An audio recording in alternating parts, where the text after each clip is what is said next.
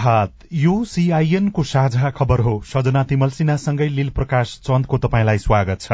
सामुदायिक रेडियोबाट देशैभरि एकैसाथ प्रसारण भइरहेको साझा खबर सीआईएन खबर डट कम र मोबाइल एप सीआईएनबाट पनि सुन्न सकिन्छ। आज दुई हजार उनासी साल चैत सत्र गते शुक्रबार मार्च एकतीस तारीक सन् दुई हजार तेइस नेपाल सम्बत एघार सय त्रिचालिस चैत्र शुक्ल पक्षको दशमी तिथि।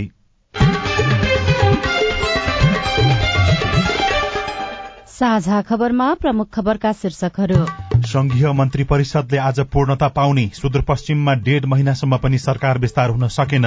बागमती प्रदेश सरकार पनि केन्द्रको निर्देशन कुर्दै झण्डै पाँच लाख विद्यार्थी आजदेखि एसईई परीक्षामा सहभागी हुँदै दृष्टिविहीनलाई सम्बन्धित विद्यालयमै जाँच दिने व्यवस्था वैदेशिक रोजगारीमा जाने कामदारले वैशाखदेखि स्थानीय तहबाटै श्रम स्वीकृतिको फारम भर्न सक्ने? कैदी बन्दीले बनाएका एक लाख मुढा चीन निर्यात मिटर ब्याज पीड़ितसँग आज पनि छलफलको तयारी। ठूला भन्सार नाकामै चोरी पैठारी बढ़दो एक सातामा उन्नाइस ट्रक नियन्त्रणमा। कोरोना संक्रमित व्यक्तिको वंशानुगत संरचना परिवर्तन हुन सक्ने एक अध्ययनको दावी चार हजार भन्दा बढ़ी अफगान शरणार्थी इरानबाट फर्किए अमेरिकामा सेनाको हेलिकप्टर दुर्घटना हुँदा नौ सैनिकको मृत्यु। र त्रिदेशीय कपको उपाधिका लागि आज नेपाल अनि लाओस खेल्दै ललितपुर मेयर्स कप महिला टी ट्वेन्टी क्रिकेट प्रतियोगिताको उपाधि एपीएफ क्लबलाई।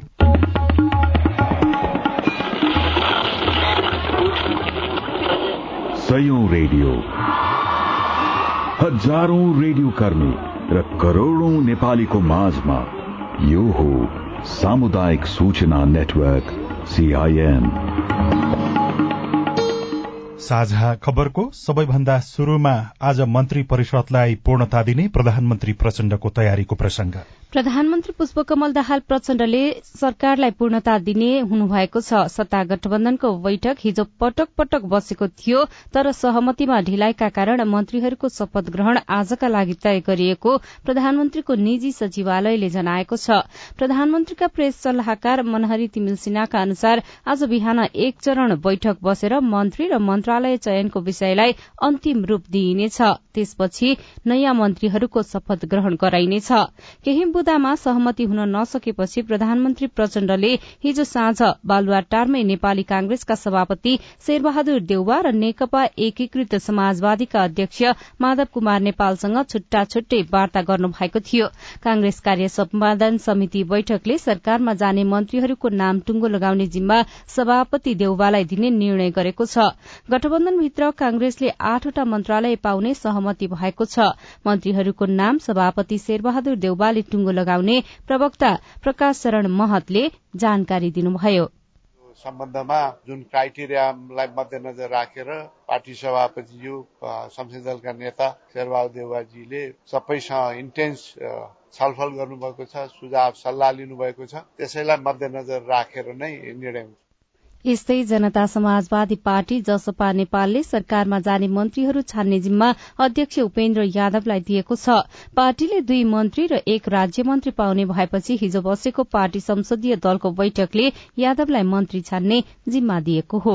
प्रधानमन्त्री प्रचण्डले तीन महिनामा सातौं पटक मन्त्री परिषद हेरफेर गर्न लाग्नु भएको हो। पुष एघारमा शपथ लिएसँगै उहाँले माघ तीन चौध र तेइसमा फागुन चौध र सोह्रमा मन्त्री परिषद पुनर्गठन गर्नुभएको थियो। सहयोगीहरू मध्ये राष्ट्रिय स्वतन्त्र पार्टी र जनमोर्चा बाहेक नौ दललाई समेटेर मन्त्री परिषद विस्तार गर्न लागि हो। कांग्रेस आठ नेकपा एकीकृत समाजवादी र जसपा दुई दुई लोसपा नागरिक उन्मुक्ति नेसपा र आजपा एक एक मन्त्रालय लिएर सरकारमा जाने भएका छन्। प्रधानमन्त्रीका राजनैतिक सल्लाहकार हरिबोल गजुरेलका अनुसार दिउँसो तीन बजे शपथको कार्यक्रम तय गरिएको छ।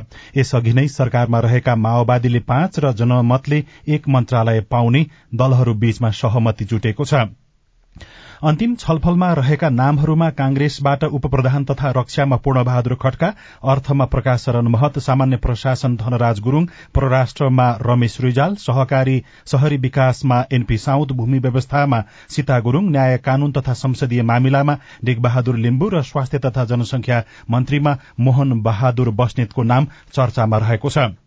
माओवादीबाट प्रधानमन्त्री पुष्पकमल दाहाल प्रचण्ड गृहमा नारायण काजी श्रेष्ठ ऊर्जामा शक्ति बस्नेत संचारमा रेखा शर्मा पर्यटनमा सुदन किराँती र महिला तथा बाल बालिका मन्त्रीमा अमनलाल मोदी जाने सम्भावना छ।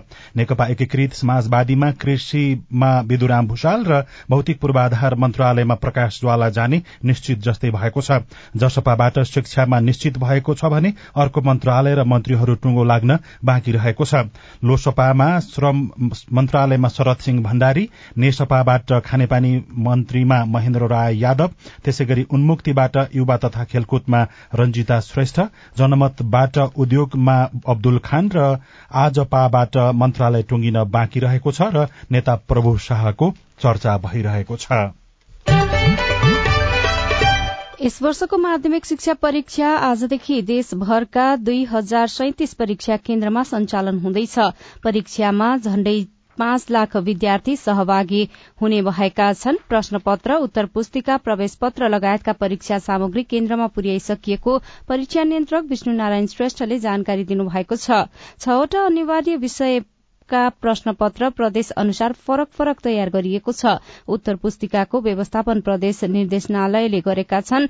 उहाँका अनुसार सात हजार दुई सय पैंतिस सामुदायिक र चार हजार पाँच सय चौसठी निजी गरी एघार हजार चार सय उनातिस विद्यालयका विद्यार्थी एसईमा सम्मिलित हुँदैछन्। छन्। परीक्षा बिहान आठदेखि सञ्चालन हुने बोर्डले जनाएको छ सतहत्तरवटै जिल्लामा प्रमुख जिल्ला अधिकारीको संयोजकत्वमा एसईई परीक्षा समिति गठन गरेर व्यवस्थित गरिएको छ।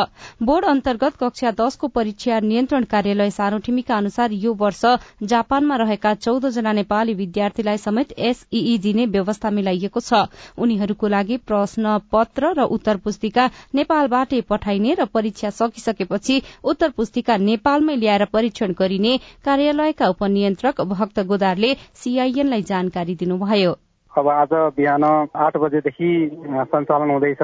हाम्रा सम्पूर्ण परीक्षार्थीहरू र अभिभावकहरूलाई समेत त्यस परीक्षामा निर्धक्क रूपले सहभागी गराउने वातावरणको लागि हामीले परीक्षा नियन्त्रण कार्यालयको तर्फबाट पनि अपिल जारी गरिसकेका छौँ। र म पनि परीक्षार्थीहरूलाई के भन्न चाहन्छु भने उहाँहरूले पालना गर्नुपर्ने आचार संहिता निर्देशनका कुराहरू उहाँहरूको प्रवेश पत्रको पछाडि उल्लेख गरिएको छ। सोही बमोजिम निर्धक्क रूपमा मनोबल उच्च गराएर परीक्षामा सहभागी हुनुहुन अनुरोध गर्दछु। यो वर्षको लागि दुई हजार सैतिस परीक्षा केन्द्र कायम गरिएको छ जसमध्ये एउटा परीक्षा केन्द्र हाम्रो जापानमा छ र त्यस विद्यालयबाट चौधजना परीक्षार्थी सहभागी हुँदैछन् जसमा चारजना छात्रा र दसजना छात्र सहभागी हुँदैछन्। दृष्टिविहीन परीक्षार्थीको लागि उनीहरू जहाँ अध्ययनरत छन् त्यही विद्यालयबाट नै परीक्षा दिने व्यवस्था गरेका छौँ। पचपन्नजना दृष्टिविहीन परीक्षार्थी सहभागी हुने हाम्रो तथ्याङ्क अहिलेसम्म प्राप्त भएको छ। यसैबीच एसईलाई एउटा हाउगुजीको रूपमा नलिन पनि शिक्षाविदहरूले सुझाव दिएका छन्। शिक्षाविद विद्यानाथ कोइरालाले सीआईएनसँग कुरा गर्दै आजदेखि हुने परीक्षा नआत्तिकन दिन सुझाव दिनुभएको छ। यो दस कक्षाको जाँच हो जसरी नौ कक्षामा जाँच दिने त्यसै गरी जाँच दिनुपर्छ एउटा मलाई लाग्छ यसमा धेरैभन्दा धेरै नम्बर ल्याउने केही तरिकाहरू हुन्छन्। त्यो तरिका भनेको पहिलेको प्रश्नहरूको उत्तर खोज्ने हो। त्यो नमुना प्रश्नहरू दिएका छन्। त्यो प्रश्नको उत्तर दोहोऱ्याएर गर्ने हो। त्यति भइसकेपछि नम्बर आउँछ। तेस्रो बडो नआत्तिकन आनन्दसँग लेख्ने हो किनभनेदेखि आत्तिनुपर्ने विषयवस्तु छैन जानेको मूल्याङ्कन हुन्छ। यो कति आउबुझी होइन आउबुझी बनाइएको मात्रै हो किनभने सङ्घीय सरकारले अहिले पनि आफैले जाँच थाल्यो त्यसैले आउबुझी बनायो। प्रदेश सरकारले हिम्मत गरेर म जाँच गर्छु भन्न सक्ने हिम्मत देखाएन त्यसले आउबुझी भयो। दस क्लासको जाँच भनेको दसै क्लासको मात्रै हुनुपर्ने यो यसियो भनेर ठुलो कुरो पनि गरियो। बेकारको आउबुझी हो बरु बाह्र क्लासको जाँच चाहिँ नि पक्ष हो। यहाँ पैँतिस नम्बर ल्याउनलाई चाहिँ बल गर्नुपर्छ त्यति मात्रै। यस वर्ष दृष्टिविहीनहरूलाई आफ्नै विद्यालयबाट परीक्षा दिने व्यवस्था मिलाइएको परीक्षा नियन्त्रण कार्यालयले जनाएको छ। मिटर ब्याज पीड़ित र सरकार बीचको वार्ता हिजो भयो तर निष्कर्षमा पुग्न सकेन। न्याय माग्दै बर्दीवासबाट काठमाडौँसम्म पैदलै आएका मिटर ब्याज पीड़ित र सरकारी अधिकारी बीच सिंहदरबारमा दुई चरणमा वार्ता भए पनि बिना निष्कर्ष सकिएको हो। छलफलमा पीड़ितहरूले समस्या समाधानका लागि अधिकार सम्पन्न आयोग गठन गर्न माग गरेका छन्। स्थानीय सरकारको समन्वयमा मिटर ब्याज सम्बन्धी उजुरीमाथि छलफल गर्ने सम्झौता नमान्ने उनीहरूको अडान छ। सरकार यसप्रति गम्भीर नदेखिएको संघर्ष समितिका सदस्य प्रमोद शाहले सीआईएनसँग बताउनुभयो। हामी त दीर्घकालीन उपाय खोज्छौँ अल्पकालीन त होइन। अब छिटोभन्दा छिटो दिएपछि हामीले सरकारले हामी ललिपप समाज जस्तो भयो। त्यसमा हामीले धेरै कुराहरू हेर्नुपर्छ र हामीले विचार विमर्श गरेर त्यसलाई फेरि हामीले आफ्नो तरिकाबाट प्रस्तुत गरेर सरकारसँग हामी वार्तामा जान्छौँ। किनभने आज तिन घन्टा टाइम हामीले अप्राय भयो धेरै थोरै टाइम भयो। थोरै टाइममा हामी त्यत्रो ठुलो वर्क गर्न सकिँदैन। त्यसकारण हामीले सरकारसँग टाइम लियौँ। टाइम लिएपछि अब गृह कार्य गर्न सुरु गरेका छौँ जानकारी गराउँछौँ नौ बजीभित्र। त्यसपछि पुनः फेरि हामी गिरीमा जाने कुरा भयो। player. पीड़ितले साहुको ज्यादतीका कारण जेल परेकाहरूको ससम्मान रिहाई तमसुक व्यवस्था खारेज गर्नुपर्ने मिटर ब्याज पीड़ितको पक्षमा कानून बनाउनुपर्ने चेक वा तमसुकबाट लेनदेनको मुद्दा दर्ता भएपछि सम्पत्तिको स्रोत खोजी गर्ने कानून बनाउनुपर्ने लगायतका माग सरकारसँग राखेका छन्। मिटर ब्याजीका कारण समस्यामा परेका त्रिहत्तर जना पीड़ितहरूले गत सोमबारदेखि नै काठमाण्डुमा आन्दोलन गरिरहेका छन्। आन्दोलनरत पीड़ितहरूको समस्या सम्बोधन गर्न सांसदहरूले पनि जोड़ दिएका छन्। हिजोको राष्ट्रिय सभा बैठकमा बोल्ने सांसदहरूले मिटर ब्याज पीड़ितहरूलाई सरकारले तत्काल न्याय दिएर घर फर्कने वातावरण मिलाउनु पर्नेमा जोड़ दिएका हुन्।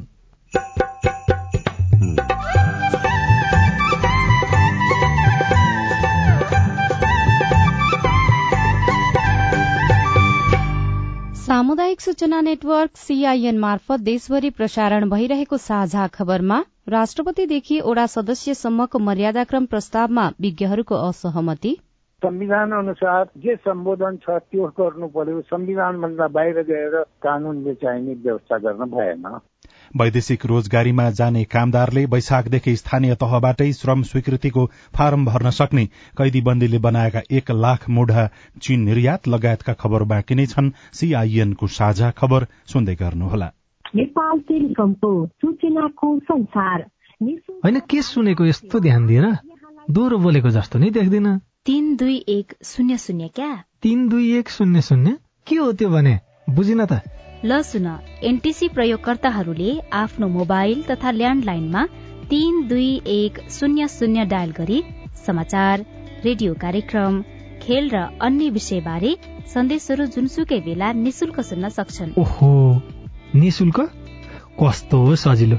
समाचार सुन्न छुट्यो भनेर पिर लागेको थियो। अब त म पनि सुनिहाल्छु। कति रे? तिन दुई एक शून्य शून्य। आयो आयो छुट र बोनसको नयाँ सिजन। डिसोमै छ रमाइलो जीवन।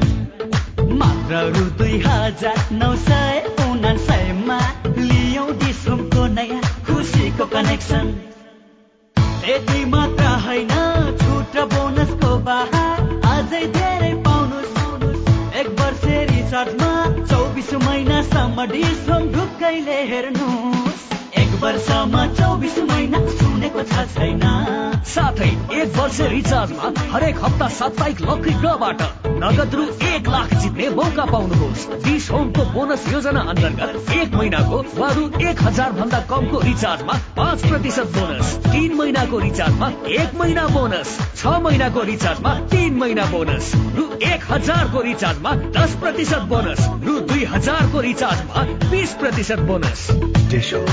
खुसीको कनेक्सन सामाजिक रूपान्तरणका लागि यो हो सामुदायिक सूचना नेटवर्क सीआईएन तपाई अहिले देशभरिका सामुदायिक radio CIN Khabar dot com र मोबाइल एप सीआईएनबाट एकैसाथ साझा खबर सुन्दै हुनुहुन्छ।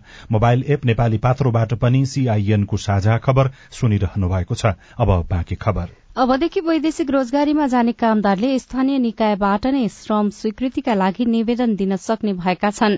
श्रम रोजगार तथा सामाजिक सुरक्षा मन्त्रालयको हिजोको निर्णय अनुसार वैशाख एक गतेदेखि कामदारले सात सय त्रिपन्नवटै स्थानीय तहमा रहेको रोजगार सेवा केन्द्रबाट व्यक्तिगत श्रम स्वीकृति र पुनः श्रम स्वीकृतिका लागि निवेदन दिन सक्नेछन्। श्रम रोजगार तथा सामाजिक सुरक्षा मन्त्रालयले प्रत्येक स्थानीय तहमा रोजगार सेवा केन्द्रमा डेस्क स्थापना गरेको छ। केन्द्रमा तीनजना कर्मचारी रहने मन्त्रालयका प्रवक्ता डुनुराज घिमिरेले सीआईएनसँग बताउनुभयो। अनलाइनबाटै श्रम स्वीकृति प्राप्त गर्ने अहिलेको हामीले सिस्टम जुन विकास गरेका छौँ त्यतिले पनि फेरि धेरै कुराहरू नबुझ्ने श्रमिकहरूका लागि उहाँहरूलाई आफैले फर्म भर्न पनि आउँदैन सूचना पनि थाहा छैन के के डकुमेन्ट अपलोड गर्ने पनि थाहा छैन त्यो झन्झटिलो छान्नु भएको छ कि? हो अब त्यो सिस्टमलाई चाहिँ हामीले के गर्यौँ भन्दाखेरि हाम्रो नेटवर्क छ। हामीले सात सय त्रिपन्नवटै स्थानीय तहमा त्यहाँ रोजगार सेवा केन्द्र भन्ने छ। त्यो रोजगार सेवा केन्द्रमा तिनजना कर्मचारी हामीले राखेका छौँ। ती तिनजना कर्मचारी साथीहरूले सहयोग गर्नुहुन्छ। दुईटा कुरा। के के डकुमेन्ट चाहिन्छ? कसरी फर्म भर्नुपर्छ? सूचना पनि दिनुहुन्छ। वेबसाइट कहाँ छ? त्यसको लिङ्क कहाँ छ? भनेर पनि भन्नुहुन्छ। सँगसँगै के गर्नुहुन्छ भने फर्म भरिदिनु पर्यो भने उहाँले भर्न सहयोग गर्नुहुन्छ। केही समय अघि श्रम मन्त्रालयले सातैवटा प्रदेशमा श्रम कार्यालय विस्तार गरी कार्यालय मार्फत श्रम स्वीकृति लिन सकिने व्यवस्था गरेको छ। अब आज काठमाडौँबाट प्रकाशित पत्र पत्रिकाको खबर। सबैजसो पत्र पत्रिकामा अर्थशास्त्री स्वर्णिम वाग्ले कांग्रेस छोडेको घोषणा गरेको प्रसंगलाई पनि प्रमुखताका साथ छापेका छन्। कांग्रेसभित्र भावी अर्थमन्त्रीका रूपमा हेरिएका अर्थशास्त्री स्वर्णिम वाग्ले तीन पुस्ताको पारिवारिक विरासत गाँसिएको कांग्रेसबाट अलग भएको घोषणा हिजो गर्नुभयो। वैशाख दशमा हुने उपनिर्वाचनमा उम्मेद्वार बन्ने उद्देश्यका साथ वाग्ले कांग्रेस छोड्नु भएको हो। रामचन्द्र पौडेल राष्ट्रपति निर्वाचित भएपछि रिक्त तनहु एकमा राष्ट्रिय स्वतन्त्र पार्टीबाट उम्मेद्वार बन्ने तयारीमा वाग्ले रहेको उहाँ निकट नेताहरूले बताएका छन्। कांग्रेस छोड्ने वाग्लेको घोषणासँगै तनहु एकमा हुने उम्मेद्वारी चर्चाले राष्ट्रिय राजनीतिलाई नै तरंगित बनाएको छ। कान्तिपुर दैनिकमा कैदी बन्दीले बनाएका एक लाख मुढा चीन निर्यात शीर्षकमा बलराम घिमिरेले रसुवाबाट लेख्नु भएको छ निर्यात खुलेको तीन महिनामै रसुवा गढी नाका हुँदै चीनतर्फ करिब एक लाख थान बाँसका मुढा निर्यात गरिएको छ। पुष बाह्रदेखि चैत पन्ध्रसम्म तीन करोड़ बीस लाख चौतिस हजार बराबरको सन्तानब्बे हजार छ सय चारवटा मुढा निर्यात भएको रसुवा भन्सार कार्यालयका प्रमुख नारायण प्रसाद भण्डारीले जानकारी दिनुभयो। कोरोनाका कारण बन्द निर्यात पैंतिस महिनापछि गत पुष बाह्रदेखि खुला गरिएको थियो। यस्तै कारोबार दैनिकमा ठूला भन्सार नाकामै सर्वत्र चोरी पैठारी शीर्षकमा कौशिला कुंवरले खबर लेख्नु भएको छ पछिल्लो डेढ़ महिना यता विभागीय मन्त्री नभएको र राजनीतिक माहौल पनि अन्तै मोडिएको मौका छोपी भन्सार नाकाहरूबाट ठूलो मात्रामा चोरी पैठारीका घटना भइरहेका छन्। एक सातामा उन्नाइस ट्रक नियन्त्रणमा लिइएको छ भने अनलाइन मोनिटरिङबाट सोह्र दिनमा चार करोड़ तिराइएको छ। यस्तै नयाँ पत्रिका दैनिकमा सुदूरपश्चिममा डेढ़ महिनासम्म पनि मन्त्री परिषद विस्तार हुन सकेन। मन्त्रालय भागवण्डामा सहमति जुटेन। केन्द्रको मुख ताक्दै मुख्यमन्त्री शाह शीर्षकमा खबर छापिएको छ। सुदूरपश्चिमका मुख्यमन्त्री कमल बहादुर शाहले नियुक्ति भएको डेढ़ महिनासम्म पनि मन्त्री परिषद विस्तार गर्न सक्नु भएको छैन। सत्तापक्षीय दलहरूबीच मन्त्रालय भागवण्डामा सहमति हुन नसकेपछि मन्त्री परिषद विस्तारमा ढिलाइ भएको हो। यस्तै कान्तिपुर दैनिकमा बागमती प्रदेशको खबर छाप थपिएको छ। दलहरूले निर्देशन दलहरूले निर्देशन कुर्दा बागमती सरकार विस्तारमा ढिलाइ भएको खबर छापिएको छ।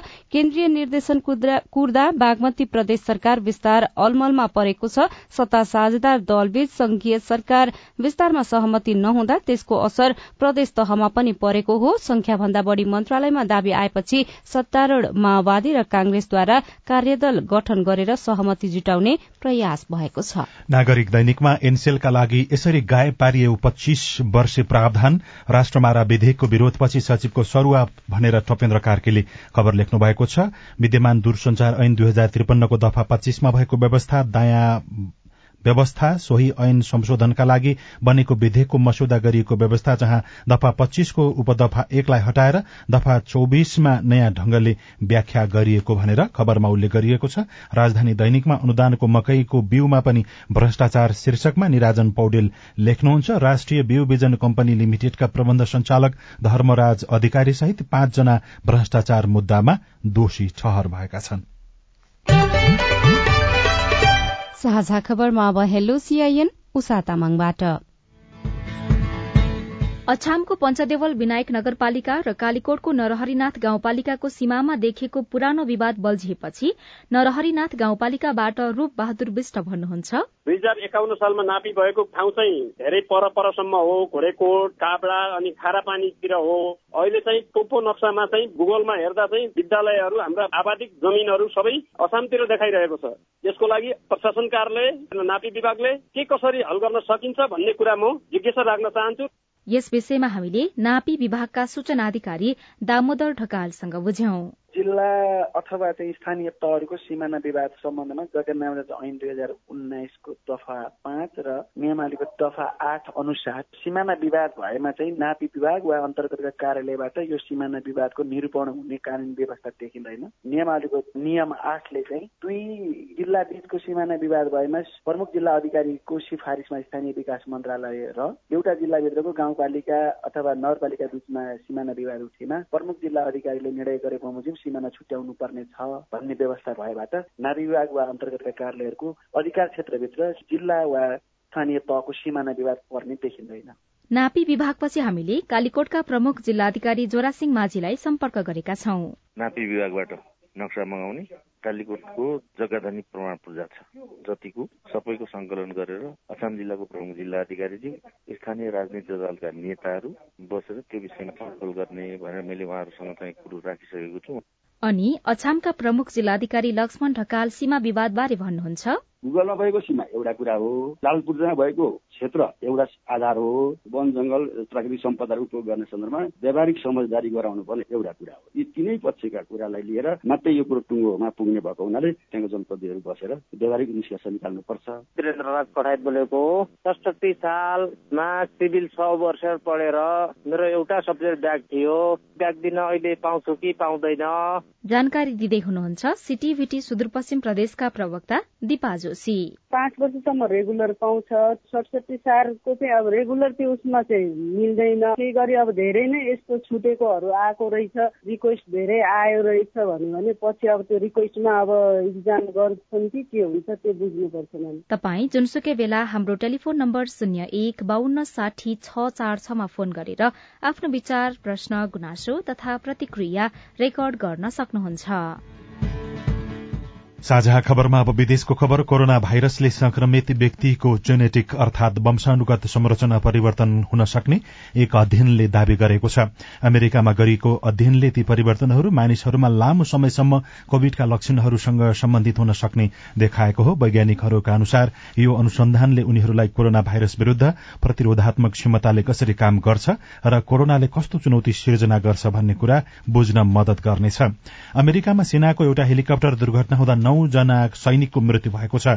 मध्यपूर्वी राज्य केन्टकीमा एक प्रशिक्षण अभियानका क्रममा हेलिकप्टर दुर्घटनाग्रस्त हुँदा नौजना सैनिकको मृत्यु भएको सेनाले पुष्टि गरेको छ र इरानबाट चार हजार तीन सय सत्ताइस जना अफगान शरणार्थी घर फर्किएका छन्। दुई साता अघि छिमेकी राष्ट्र पाकिस्तानबाट पनि तीन हजार अफगान शरणार्थी घर फर्किएका थिए। अफगानिस्तानको शरणार्थी तथा स्वदेश फिर्ता मामिला मन्त्रालयद्वारा जारी विज्ञप्ति अनुसार बितेका छ महिनामा तीन लाख शरणार्थी इरानबाट स्वदेश फर्किएका छन्। अब खेल खबर। प्रधानमन्त्री त्रिनेशन्स कपको उपाधिको लागि आज नेपाल र लाओस खेल्दैछन्। खेल त्रिपुरेश्वर स्थित दशरथ रंगशालामा साँझ साढे पाँच बजे शुरू हुनेछ। लीग चरणमा अपराजित नेपाल शीर्ष स्थानमा रहँदै फाइनल पुगेको हो। लाओसले दोस्रो स्थानमा रहँदै नेपालसँगको फाइनल भेट पक्का गरेको हो। भूटान भने लीग चरणबाटै बाहिरिएको थियो। प्रतियोगिताको विजेताले पाँच हजार अमेरिकी डलर र दोस्रोले तीन हजार डलर पाउनेछन्। विभागीय टोली एपीएफ क्लबले तेस्रो संस्करणको ललितपुर मेयर्स कप कप महिला टी ट्वेन्टी राष्ट्रिय क्रिकेट प्रतियोगिताको उपाधि जितेको छ। त्रिवी क्रिकेट मैदान किर्तिपुरमा हिजो भएको फाइनलमा कोशी प्रदेशलाई चौवन्न रनले पराजित गर्दै एपीएफले उपाधि जितेको हो। र विराटनगर सिटीले एकसठी वर्षपछि सातौं संस्करणको विराट गोल्ड कप फुटबल प्रतियोगिताको उपाधि जितेको छ। शहीद रंगशालामा हिजो भएको फाइनलमा विराटनगरले भारत केरलाको लुका सकल क्लबलाई चार शून्य गोल अन्तरले हराउँदै उपाधि हात पारेको हो। मर्यादाक्रम प्रस्ताव र सच्याउनु पर्ने कुरा कुराकानी स्वस्थ जीवन शैलीसँग सम्बन्धित सन्देश अरू खबर र कार्टुन पनि बाँकी नै छ। सीआईएनको साझा खबर सुन्दै गर्नुहोला। दाइजो दहेज मांगने है अस्सी हजार रुपया आठ आना सोना बाह्र भर चानी बाल विवाह? वर्ष चौध वर्ष। मेरो बिहे भएको डेढ साल भयो। साथीहरू स्कुल जाँदा रहर लाग्छ। बिहे किन गर्यो जस्तो लाग्छ? छुवाछुत कुकुर पढ्नु पनि हामी पढ्नु पनि भए भने त अलिकति मन त फेरि हुन्छ नि छाउपडी। हुन्छ दुःख त नभएर हुन्छ बिहाको झगडा हुन्छ बेगा हुन्छ चिसो भइरहेछ। यस्ता हानिकारक परम्परागत अभ्यासका कारण महिला किशोरी र बालिकाहरू विभिन्न शारीरिक तथा मानसिक हिंसा भोग्न बाध्य छन्। होसियार यस्ता हानिकारक परम्परागत अभ्यासहरू कानूनद्वारा दण्डनीय छन्। ओल्ड भिजन इन्टरनेसनल नेपाल र सामुदायिक सूचना नेटवर्क सीआईएन सामाजिक रूपान्तरणका लागि यो हो सामुदायिक सूचना नेटवर्क सीआईएन साझा खबरमा अब राष्ट्रिय मर्यादा सम्बन्धी विधेयकको कुरा। विभिन्न दलका आठजना सांसदले निजी विधेयकका रूपमा संसदमा पेश गरेको राष्ट्रिय मर्यादा सम्बन्धी विधेयकको विरोध भएको छ। राष्ट्रपतिदेखि ओडा अध्यक्षसम्म र मुख्य सचिवदेखि शाखा अधिकृतसम्मको मर्यादा तोक्ने भन्दै विधेयकमा प्रस्ताव गरिएको छ। विधेयक अहिले विधायन व्यवस्थापन समितिमा पठाइएको छ। मर्यादा कायम गर्न भनेर तयार पारिएको विधेयकमा प्रस्ताव गरिएका धेरै विषयले संविधानकै मर्यादा कायम गर्न नसकिएको भन्दै विरोध भइरहेको छ। साथी लक्ष्मण कार्कीले संविधानविद निलाम्बर आचार्यलाई विधेयक कस्तो छ भनेर सोध्नु भएको छ। त्यो विवेकमा नचाहिने कुराहरू छन्। राष्ट्रिय झण्डालाई सम्मानजनक व्यवहार गर्ने हो। अरूले युजै गर्न पाउँदैन भन्ने चाहिँ हुँदैन। त्यस्तै राष्ट्रिय धुन चाहिने बस्दाखेरि कसरी उभिने हात के गर्ने इत्यादि यो तफसिलका कुराहरू पनि राखेका छन्। त्यहाँ चाहिँ धेरै कुराहरू अरू अरू छन् जो अनावश्यक छन्। त्यो राम्रो हुँदैन। आदेशबाट चल्ने चाहिँ नागरिक बनाउनु भएन। संविधानमा राष्ट्रपति भन्ने पद थियो भनेपछि राष्ट्रपति भन्ने पद हुन्छ प्रधानमन्त्री भन्ने पद हुन्छ। तपाईँले कानुन बनाएर जोडेर चाहिँ राष्ट्रपति मात्रै भन्न पाइँदैन। सम्मान्य राष्ट्रपति भन्नुपर्छ भन्दा फेरि त संविधानमै नभएको कुरालाई माग गर्नुभयो नि त तपाईँले। विधेयकमा यस्तो कुराहरू प्रस्ताव गरिएको छ। खासमा यो कुराले चाहिँ अहिले पनि हाम्रो मनोविज्ञान चाहिँ लोकतान्त्रिक भइ नसकेको अलिकति निरङ्कुश शासन व्यवस्थामै रहेको भने जस्तो कुराको संकेत गर्छ। नागरिक स्वतन्त्र र नागरिक विवेकमाथि नै चाहिने यसले शङ्का उत्पन्न गर्दछ। यसले त्यसलाई नै चाहिने होच्याउँदछ सम्मानले त मैले खुसीले भन्न पाउनु पर्यो नि त। नागरिकको मन चाहिँ विश्वास चाहिँ कामले जित्न सक्नु पर्यो भन्ने कुरा। सम्मान त कामले नै जित्ने हो नि त। पद त संविधानले पद निर्धारित गरेका छ। संविधान कानुनले चाहिँ त्यो पदलाई फेरि चाहिने फुलबुट्टा भर्न भएन। यो के गर्न खोज्या हो? नयाँ वर्ग सिर्जना गर्न खोज्या हो? जनतादेखि बेग्लै टाढा रहेको समुदाय सिर्जना गर्न खोज्या हामी बेग्लै हौ भन्न खोज्या हो? त्यो त राम्रो होइन नि। हामीले चाहिँ लोकतान्त्रिक अभ्यासतिर अनि हामी समाजवाद भन्छौँ समाजवादतिर जाने भन्ने कुरा त देखिँदै देखिएन यो त चाहिने हामी त के भन्दाखेरि एउटा श्रेणीमा विभाजित चाहिने समाज निर्माण गर्दैछौँ। त्यो त्यस्तो समाज फेरि जो चाहिने नागरिक स्वतन्त्र होइन कि नागरिकले यस्तो भन्नै पर्छ नागरिकले यस्तो गर्नै पर्छ भनेर हामी बाध्य गराउने चाहिने चिज त राम्रो भएन नि। संविधानमा के लेखिया छ त्यही मा नागरिक बाध्य हुन्छ। संविधानप्रति उसको प्रतिबद्धता हो। मिडियाले त्यो विधेयक बारेमा चाहिने व्यापक जानकारी दिनु पर्यो। त्यहाँ के के छ भनेर। मर्यादाको कुरा मात्रै छैन अरू चाहिने मर्यादा भन्ने नामबाट अरू धेरै कुराहरू पनि छन् जुन शोभनीय छैनन्। संविधान अनुसार जे सम्बोधन छ त्यो गर्नु पर्यो। संविधानभन्दा बाहिर गएर कानुनले चाहिने व्यवस्था गर्न भएन। यो कुराकानीसँगै हामी साझा खबरको अन्त्यमा आइपुगेका छौं। सामुदायिक रेडियो प्रसारक संघद्वारा संचालित सीआईएनको बिहान छ बजेको साझा खबर सक्नु अघि तपाईँको स्वस्थ जीवन शैलीसँग जोडिएको एउटा सन्देश रेबिज विरूद्धको सुई कति पटक लगाउनु पर्छ? हाम्रो एउटा प्रोटोकल छ जसमध्येमा चाहिँ दुई प्रकारले लाउँछौँ। एउटा मासुमुनि लाउँछौँ अर्को छालामुनि। छालामुनि चाहिँ दुई पाखुरामा लाउँछौँ। त्यो तीन पटक लगाए पुग्छ त्यसलाई फुल डोज भन्छौँ। मासुमुनि लगाउने चाहिँ चार पटक लाउँछौँ। र केही गरी चाहिँ तिन महिनापछि फेरि टोक्यो भने चाहिँ हामीले यसलाई बुस्टर डोज लगाउने भन्छ। त्यो चाहिँ जहिले पनि दुई पटक मात्र लगाउँछ। डाक्टर शेरबहादुर पुनसँगको कुराकानीमा आधारित यो सन्देशसँगै साझा खबरमा मुख्य मुख्य खबर फेरि एकपटक। संघीय मन्त्री परिषदले आज पूर्णता पाउने सुदूरपश्चिममा डेढ महिनासम्म पनि सरकार विस्तार हुन सकेन। बागमती प्रदेश सरकार पनि केन्द्रको निर्देशन कोर्दै।